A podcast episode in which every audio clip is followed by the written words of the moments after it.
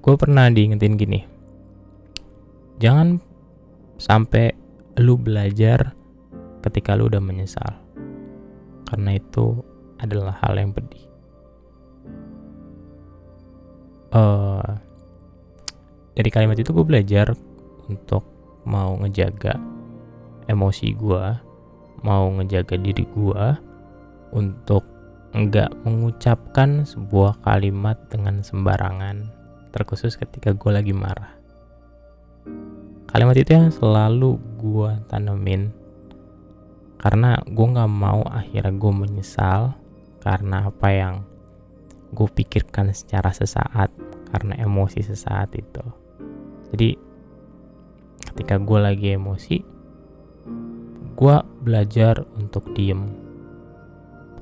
Gue belajar untuk nggak megang handphone gue belajar untuk tenangin pikiran gue gue kayak belajar untuk berpikir berpuluh-puluh kali lu nyesel nanti lu nyesel nanti lu nyesel nanti. Jangan sembarangan ngomongnya jangan sembarangan ngomongnya diem. Atau terus kalau misalkan gue udah mulai tenang gue coba dengerin lagu. Gitu.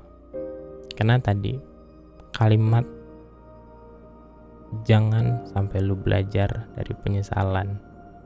Itu ngebuat gue bener-bener jadi mikir dua kali ketika gue lagi marah dan gue mau ngomongin hal-hal sembarangan